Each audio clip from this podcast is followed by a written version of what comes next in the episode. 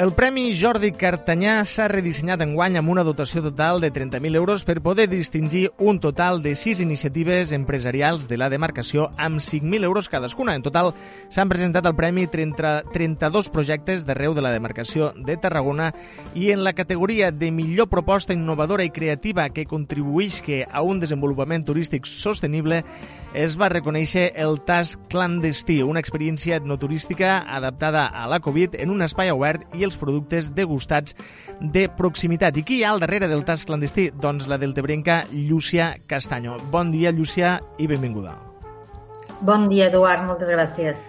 Abans de res, eh, enhorabona pel premi i gràcies. felicitats pel teu aniversari, que va ser este cap de setmana. un aniversari que va vindre, jo diria que en un bon, en un bon regal, eh? Sí, sí, la veritat que sí. No em puc queixar, al final no em podré queixar del 2020.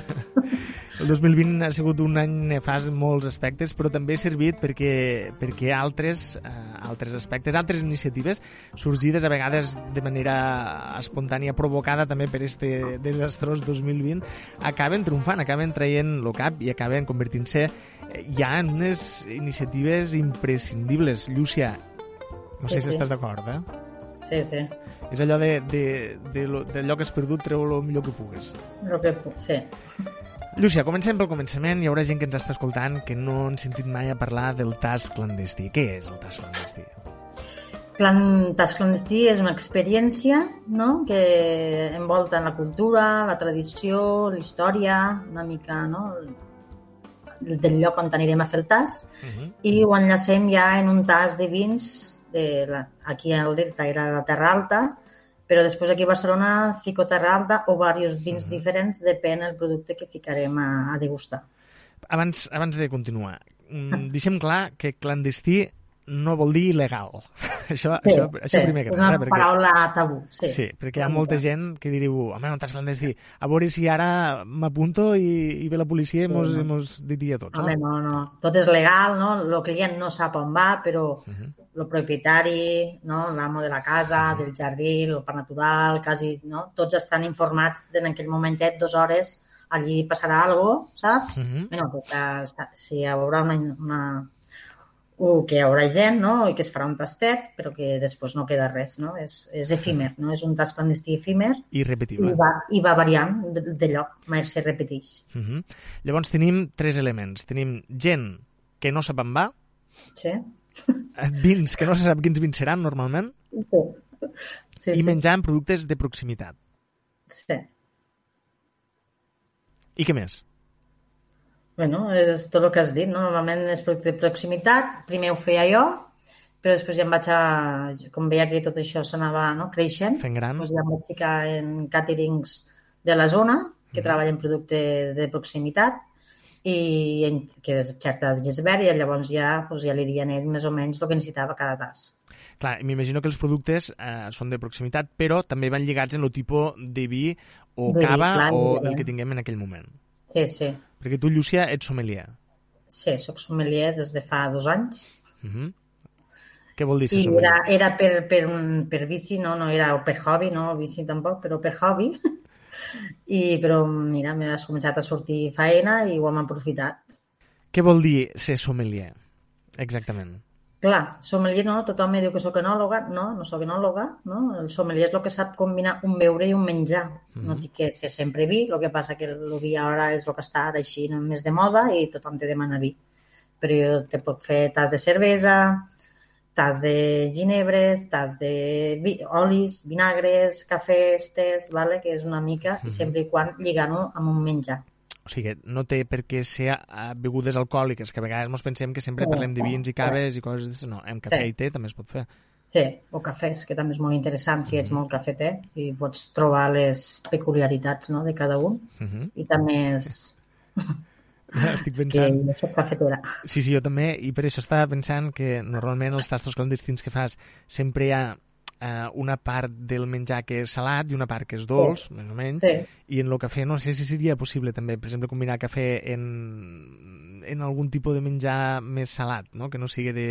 en una, en una car o algo se, se fa. Mm, Molt interessant. Sí. sí. sempre, sempre prenem... Jo pensava que, que en el cafè no, no podia haver-hi maridatges, no? més enllà de, de que d'allò que li agrada a algú molt, doncs a mi m'agrada fer el cafè en un cursant, per exemple, o un cursant sí. o un trosset de coc. I ja està, no? Sí. Segur que la cosa va més enllà. No, sí, jo me'l prenc ensalat, el cafè. Ah, mira, veus? Sí. Uh, Llucia, el tas clandestí rep este reconeixement, el Premi Jordi Cartanyà, a la millor, in, millor proposta innovadora i creativa que contribuïsca a un desenvolupament turístic sostenible. Sí. Contenta pel reconeixement? Sí, home, sí. Bé, no, perquè no m'anava a presentar i en Riu Alegre, que també es presentava, va Llucia, va, no sé què, va presentar, mos quedava tres dies, eh? no quedava més, uh -huh. la data final, i mira, mos van presentar les dos, i, bueno, també és un bon reconeixement pel que fa a Riu Alegre, però, bueno, clar, he guanyat el premi, eh, i més ara, no? Que és el que diem, este premi sí que abans era per, per ajudar, no? per a continuar el teu projecte, però ara ja és necessitat, no? perquè a part del trasplants i fins altres empreses, clar. i clar, el que fluixeixa d'una pues, anirà a l'altra i, i anant tantejant com se pugui. Llucia, quanta, quanta feina hi ha darrere del tas clandestí? Molta. La veritat que és que és molta. No? Tria el vi, tria el lloc, no? perquè jo, bueno, en el confinament vaig estar pensant en molts llocs i, i encara em queden per l'any que ve -huh. Però, clar, és no, buscar la història d'aquell lloc, eh, si puc entrar, no puc entrar, quin permís hi ha, eh, qui és l'amo, saps? Buscar l'amo, perquè hi ha moltes finques que es poden entrar, però normalment són gent de fora uh -huh. i costa molt. Vaig, hi ha una casa a Sant Jaume que estic pendent d'allí per entrar i està molt complicat i estem en ello, no? Però estem insistint. I clar, això és, són trucades, són... No sé, és, és feina, no? El menjar, el beure tot una mica, no? que el dia abans ja tens de tindre tot lligat, que no plogue, o si plou tindre opció B, saps? Que, o el vent, tot, totes les condicions que havies pensat per aquell dia, igual després no pots anar. Clar, sempre has de tindre un pla B. Per sí. Llúcia, tenim un número de tastos clandestins? Quants tastos eh, has arribat a realitzar des que aquesta iniciativa se va començar, que això devia ser sobre l'abril? Sí, vaig, vaig penjar-ho, no? que eren uns 30, 32, 32, més 8 a la Illa de Gràcia o alguna així, uns 40, i van passar més de 400 persones. déu nhi molt d'èxit. És a dir, cada vegada que tu sí. deies que es convocava un tas clandestí i sempre posaves sí. a les xarxes, per exemple, queden dos places, queda sí. una plaça, no? Això s'omplia de seguida. Hi havia gent, que, sí, sí. gent que forçosament se quedava fora, perquè una de les característiques del tas clandestí és que se sí. fa en un grup reduït de persones. Reduït, sí. Uh -huh bueno, sempre complint no, amb el protocol del Covid i això, però sí, n'hi havia no, màxim 16, depèn dels grups, perquè clar, venien amics clar. que diuen, no, és que nosaltres som 10, Uh -huh. I no, ha de ser grups de, de sis, saps? O coses així. Llavors clar. ho separaves o no. Però, Dep clar... De, depèn del moment, depèn de les restriccions, sí. no? Sí, home, vaig fer molts privats, diguéssim, perquè com tenia, no? Ja em diuen que eren vuit, ja els ho feia privat per als amics. Uh -huh. Ja no els ho dava. Jo el tas clandestí era tots els dijous. Tots els dijous, part... només en dijous? Sí, el que passa que després pues, anava fent clandestins perquè tenia grups que m'ho estaven demanant. Per què en dijous? Perquè trobo que és a la meitat de setmana, no? que ja comences el cuquet de que ve el cap de setmana i pues, a començar-lo una miqueta abans, no? el cuquet de dir passo divendres i estic al cap de setmana. Llucia, recordes algun, algun lloc on hagués fet un tas clandestí, especialment allò de dir d'este me'n recordaré tota la vida per, qual, per, per algo, no? per alguna cosa. És que tots, la veritat que tots han tingut algo, no? Eh, N'hi ha una a les muscleres, que crec que vas vindre tu, que aquell era molt clandestí, clandestí, aquell sí que era clandestí. Mm, a veure si mos has eh... escoltat algú que no mos ha, que no mos ha d'escoltar. No, no, bueno, sí que no passa res, a veure. Que ja està fet, tots... ja està fet. L'amo està... No, però l'amo ho sabia, vol dir que no era dins del que cap, no? Però sí, que va estar molt bé és que també hi ha un mirador que vaig anar, també va estar, és que la barraca, no? Sempre he conegut gent no, que em segueix a xarxes, em feliciten, em comenten coses, ens anem parlant, vull dir que hem anat fent una unió, la gent, de cada tas més o menys, no? que són les sinergies, que és el que diem, no? al ser poca gent, fa sinergies en uns dels altres, també t'he dit que han sortit faenes d'uns en els altres, vale? Vull dir, a part d'això, s'han anat, ah, pues si tu fas això, ah, pues jo també, i pues a vegades necessito no, que em complementen, no sé uh -huh. què, i, i dius que, bueno, i, i això ha passat al tas, no? Clar, sí que vas a fer un tas, vas a conèixer gent, i de part, pues, no, coneixes una mica el territori, no? que molta gent passava, no? que no ho havien fet mai, uh -huh. I tot era gent del territori o que no havien anat a un mirador, o que no havien estat a una barraca, o que no havien... I clar, tu veus de dir, hòstia, doncs ha vingut, s'ha apuntat gent del territori i aquestes coses no les havien fet. Clar, perquè... I també eh, acertar-ho, no? Perquè quan vam anar a les barraques va vindre gent de Cambredor i, i del Delta i això, i Amposta, i de dir, hòstia, és que mos has encertat perquè tenia ganes de veure una, una barraca. Que això va, també és tindre sort a vegades, eh? no és però clar, hi ha una mica d'inquietuds per detrás que busques els perfils de gent, no? a quin estat, a quin no sé què, doncs perquè no intentes repetir el lloc. Uh -huh. Després a la, a, han anat a les bases, que ens han deixat entrar, no sé què. Vull dir que quasi tots. Han posta al casino també va, va ser xulo, uh -huh. en un estil modernista, no? que sempre és a l'aire lliure i en un edifici cultural històric doncs, també era xulo. En és, és... quan s'arriba al lloc tu fas una explicació del lloc, no? de per què, sí. per què existeix aquest lloc? Sí. I també... I dono les copes, no? Dono ja la, la copa per persona, explico per què estem en aquell lloc i d'aquell lloc anem a peu fins a on ens espera no? lo, lo catering uh -huh. i per a fer el tas en les vistes per a tindre el millor posta de sol. Perquè es fa a la tarda sempre. Sí, que aquest estiu ho han fet a la tarda, ara l'han proposat a l'hivern eh, vermut, uh -huh. però com està això del Covid, doncs, també és molt interessant, no? perquè han fet diversos vermuts que no repetim, i la gent, doncs, molt, perquè no els coneixien, no? i que et deixa olorita d'oliva, o que et deixa mm. Coca-Cola, o que et deixes no? el típic vermut que tu coneixes. Jo sóc un fan dels vermuts. Pues dir... són interessants. Mm -hmm. El que passa que, clar, acabes... Este sí que s'ha d'anar en bicicleta, que t'ha de tocar l'aire una mica, no, perquè sí, hi ha un aperitiu i tot, però el vermut, si fas tres vermuts i un combinat de vermut... Home, sí val, més, val més que vaigues airejant perquè a casa sí. el que pugui passar. Home, que no se serveix, és en copa, és mini dos i no se serveix com un vermut vermut, però és un tastet. Llucia, una de les preguntes que et volia fer, també a mig me l'has contestat, és quin tipus de persona va a, al tas clandestí? És gent de, del poble, és més gent de fora, gent del Delta, o potser són estrangers que venen a, a viure aquesta experiència uh, deltaica 100% aquí? Mm. Aquest estiu el 80% ha sigut gent del Delta, un 10 de, pues, bueno, Delta Terres de l'Ebre, vale? Uh -huh. i algun 10% així pues, esporàdics de turistes que o que tenia l'hostal o que havia algun hotel o que estaven a la casa de pagès eh, que buscaven algo diferent i, i sort de la que, no, que estava a la casa de pagès els havia explicat d'esta uh -huh. iniciativa. Però, tot... Però sí, la majoria és gent del territori, no? Que me vaig sorprendre, no? Però la gent tenia ganes de conèixer el Delta bé, eh, en explicacions, eh, algo diferent. També les vacances han sigut pel Delta, no? La gent se va clar, quedar. Clar, clar. També això va influenciar molt, suposo. De quina edat són els participants normalment? No, no, des de 18 anys, gent que es començaven iniciant-se al vi, eh, 18 hasta 65, 70, han vingut de totes les edats. Això és que el món del vi és un món molt transversal, no? molt intergeneracional. Sí. I últimament, potser, no sé si estàs d'acord, ara ho diràs, el món del vi està vivint un moment molt dolç, no? Eh, tothom té ganes de conèixer, tothom més o menys... No? Té, abans sí, perquè sempre, cosa... sempre hi ha algú que n'entén més, també la gent s'ha professionalitzat més, té més coneixements, uh -huh.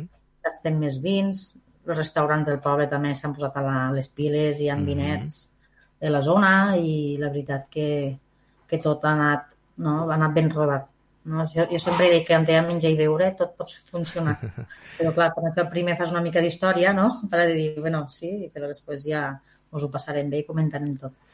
El tas clandestí va néixer per conèixer el territori, per portar gent del territori al territori o gent de fora, però sobretot eh, per viure una experiència localitzada a, a Terres de l'Ebre, pràcticament sí. al Delta de l'Ebre. Però abans eh, ens has dit que ara has començat a fer-ho a Barcelona també.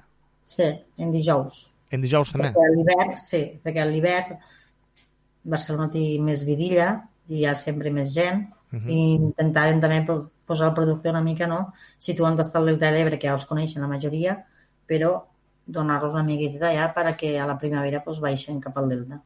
És extensible a altres ciutats? Sí, és que tenia que anar... Ja tenia... Sí, ens podem adaptar a diversos llocs. Sempre... La, el bo del clandestí és això, no? que tant pot ser Tarragona, que pot ser Reus, que pot ser a un poble, no té per, per ser, no? L'any que ve es comencem al Matarranya, ja he anat a buscar llocs i tots van estar d'acord i ja tenim dates i tot fixades, vull dir que una, cada dues o tres setmanes farem una al Matarranya i bé perquè s'han implicat restaurants, s'han implicat... Bé, no, tots. M'ha agradat molt el projecte i estirem per allà. I llavors tenim a Suècia, tenim amics que tenim per fora que ho estan organitzant també i anar cap a, cap a, a fora. A Suècia, has dit? Sí. O sigui, estem parlant d'un tas clandestí internacional, un tasting Anirem, clandestí. Sí. Varios, varios llocs tenim, vull dir que... Bueno, Quan passi tot això ja ho veurem, a veure si podem arrencar. Suposo que a poc a poc, no? Per això, sí, Llucia? Sí, sí. sí. Uh, quina recomanació faries a la gent que encara no ha viscut l'experiència del tas clandestí? és que s'ha de viure, no? L'inquietud, la gent que té, no? que me diu, és que Llucia no m'ho dius, no m'ho dius, no? La mateixa treballadora que va vindre un dia al TAS i a mi no em diràs on anem. Dic, pues no t'ho diré, és que no... no, no. és la gràcia, no? Eh, qui ho sap és lo del catering, que li dic, més o menys, però després, bueno, i la gent, no?, que l'amo de la finca o de la casa o el que sigui, que ho sap on anem, però després clar, no? te truquen en dilluns i et diuen però Llucia, al final on t'anirem, no? Allò que t'entren en missatges i et porten aquell gussonito, no? Aquelles piscigolles per l'estómac, no?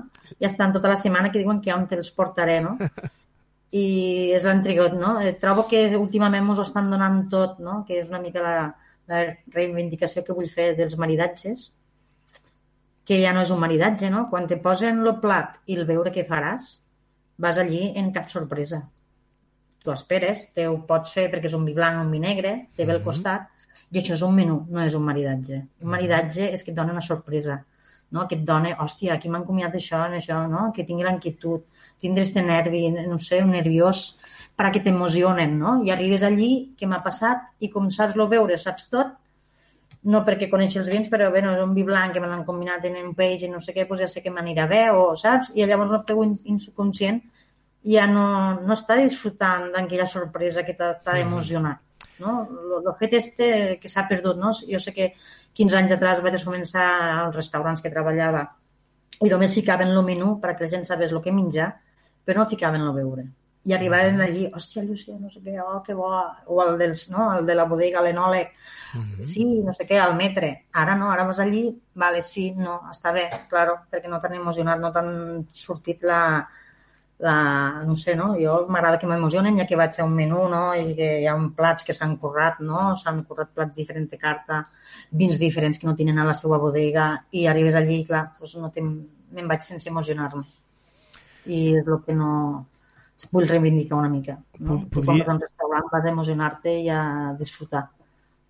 Podria... No vas a que te diguen un menú, no? El menú doncs, vas a dinar de menú diari i ja saps el que hi ha uh -huh. i més o menys, no? Però aquesta incertesa no? que s'ha perdut dels últims anys perquè la gent ho vol saber tot. Què veurà, què menjarà, és que sóc celíac, és que soc... Bé, no? Tu me dius que ets celíac, te preparo el tapa sense, saps? Per a, no celíac, per a celíacs, que sense gluten, sense lactosa, ens adaptem al tas, ens adaptem a la persona, però no, tinc, no per què, no? Eh, saber el que menjaràs. Podríem dir que ha coincidit eh, esta, este èxit del tas clandestí en un moment en què la gent té ganes d'experiències, justament. Eh? No només d'anar a un lloc i, i complir en el que s'ha de fer, sinó eh, una mica viure esta sorpresa, eh, perquè si no tu mateix te pots fer un, un bon maridatge a casa no? i llegint una mica més o menys i no és el mateix, no és el mateix. No és el mateix, perquè a veure, la cuina d'un restaurant que jo ho intento veure a casa no és el mateix. no, no tinc altres no, utensilis per a fer en aquell menú o en aquell plat o en aquella salsa, no? però la veritat és que és això, no ens falta ja que hauríem d'anar per els restaurants que ens han d'innovar i ens han d'anar pues, cosetes així, no? Una cosa molt important també del, clas, del tast clandestí és que eh, se respecta 100% el medi ambient. 100% què? 100% el medi ambient. Sí, clar. Això sobretot. Sí, però fins al punt no només, de, no només que no es deixin residus, que això ja em no, pareix no, molt obvi, sí. sinó que a més a més tot allò que fa servir eh, tu, Llúcia, de material és material sí, eh, ecològic. Eh... Ecològic. Per això hi ha la copa de vidre, vale? Uh mhm. -huh. sobretot copa de vidre. El portacopes individual per persona, que se'l pot quedar. Vale? Ja és, és un regal que es queda del tas. Que és reciclable i reutilitzable. És reciclable. Eh, tema de les tapes també individualitzades i, i si potser no tants de plats, no? que Mhm. cadascú s'agafa el seu, les servilletes i ja està. L'únic això, els palitos, que estic mirant, perquè sé que era l'únic plàstic que tinc, no? Lo, el pa, els secallets, no? Sí. De la secallona, de pa, però que ho estic mirant una altra empresa, però després quasi tot ja, no? que tu arribaves allí, jo en una bosseta acabava de recollir que quatre coses que quedaven i el vidre de les botelles i ja està. Vull dir que no... Intentem, sobretot això, no? donar cura, eh, sensibilitat al medi, vale? ja, que, ja que us he portat a un lloc idíl·lic, no? que no que no, no el coneixies i mira quina posta de sol estem fent, mm. ho hem de deixar tal com ho hem trobat. No? Sobretot això perquè el Delta eh, a poc a poc entre tots a veure si ho acabem de solucionar, no? perquè cada setmana hi ha neteges, cada setmana i sempre hi ha plàstic i sempre hi ha plàstic, vale que és un delta, els corrents d'aire, l'aigua, tot en general no podem ficar culpables, però bueno, el poc residu que si tu vas a la platja o al lloc, no? o a un parc natural, per favor, te l'has d'emportar cap a casa o sí, cap a casa millor i no per les basureros que han per allí prop, perquè hi ha molt de vent, que és el que diem. Exacte. És, és, és vent i no hi ha de veure papeleres, que les papereres que han posat sense tapa, sense res, acaba no? He anat a llocs que m'ha tocat recollir-ho tot i no era la meu, saps? Però bueno, ho han fet perquè perquè l'espai estigui net quan vingui la gent. L'única cosa, l'únic element d'un sol ús és l'experiència que és irrepetible, efímera i que no tornarà a passar mai més. És a dir, que si algú té l'ocasió de pujar al carro del tas clandestí, que ho faci perquè només passa una vegada. Molt bé, i tant. És així? Molt bé, Llu Llúcia Castanyo, Premi Jordi Cartanyà, la millor proposta innovadora i creativa que contribueix que a un desenvolupament turístic sostenible pel teu tas clandestí. Moltes gràcies per respondre la nostra trucada, molts d'èxits i que en un futur la cosa vagi com a mínim, a, vaja, siguis que anant, com a mínim siguis que anant així de bé. Que poguéssim. Que, moltes gràcies per invitar-me i poder-me explicar, ja que al premi no mos van deixar parlar. Però bueno, no, era, a veure, és la, la normativa del protocol. Hi havia molta gent allí. I gràcies per, per confiar en mi, ¿vale? I sí, esperem que l'anéssim creixent, este tas, i poguéssim continuar i, no? El Covid o que els virus que vinguen que ens deixin continuar i, i fer endavant la proposta.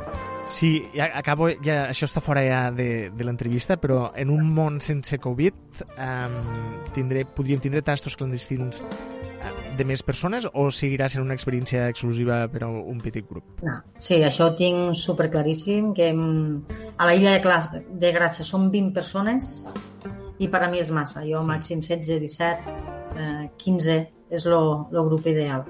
T'escolta la gent. Clar, que això és molt important també. Sí. Llúcia Castanyo, ara sí, sommelier i uh, autora, diguéssim, la persona que hi ha al darrere del tas clandestí, millor proposta innovadora i, i creativa que contribueix a un desenvolupament turístic sostenible. Premi Jordi Cartanyà d'enguany. Gràcies per atendre la nostra trucada, molts d'èxits i fins la propera. Gràcies, besitos. Adéu.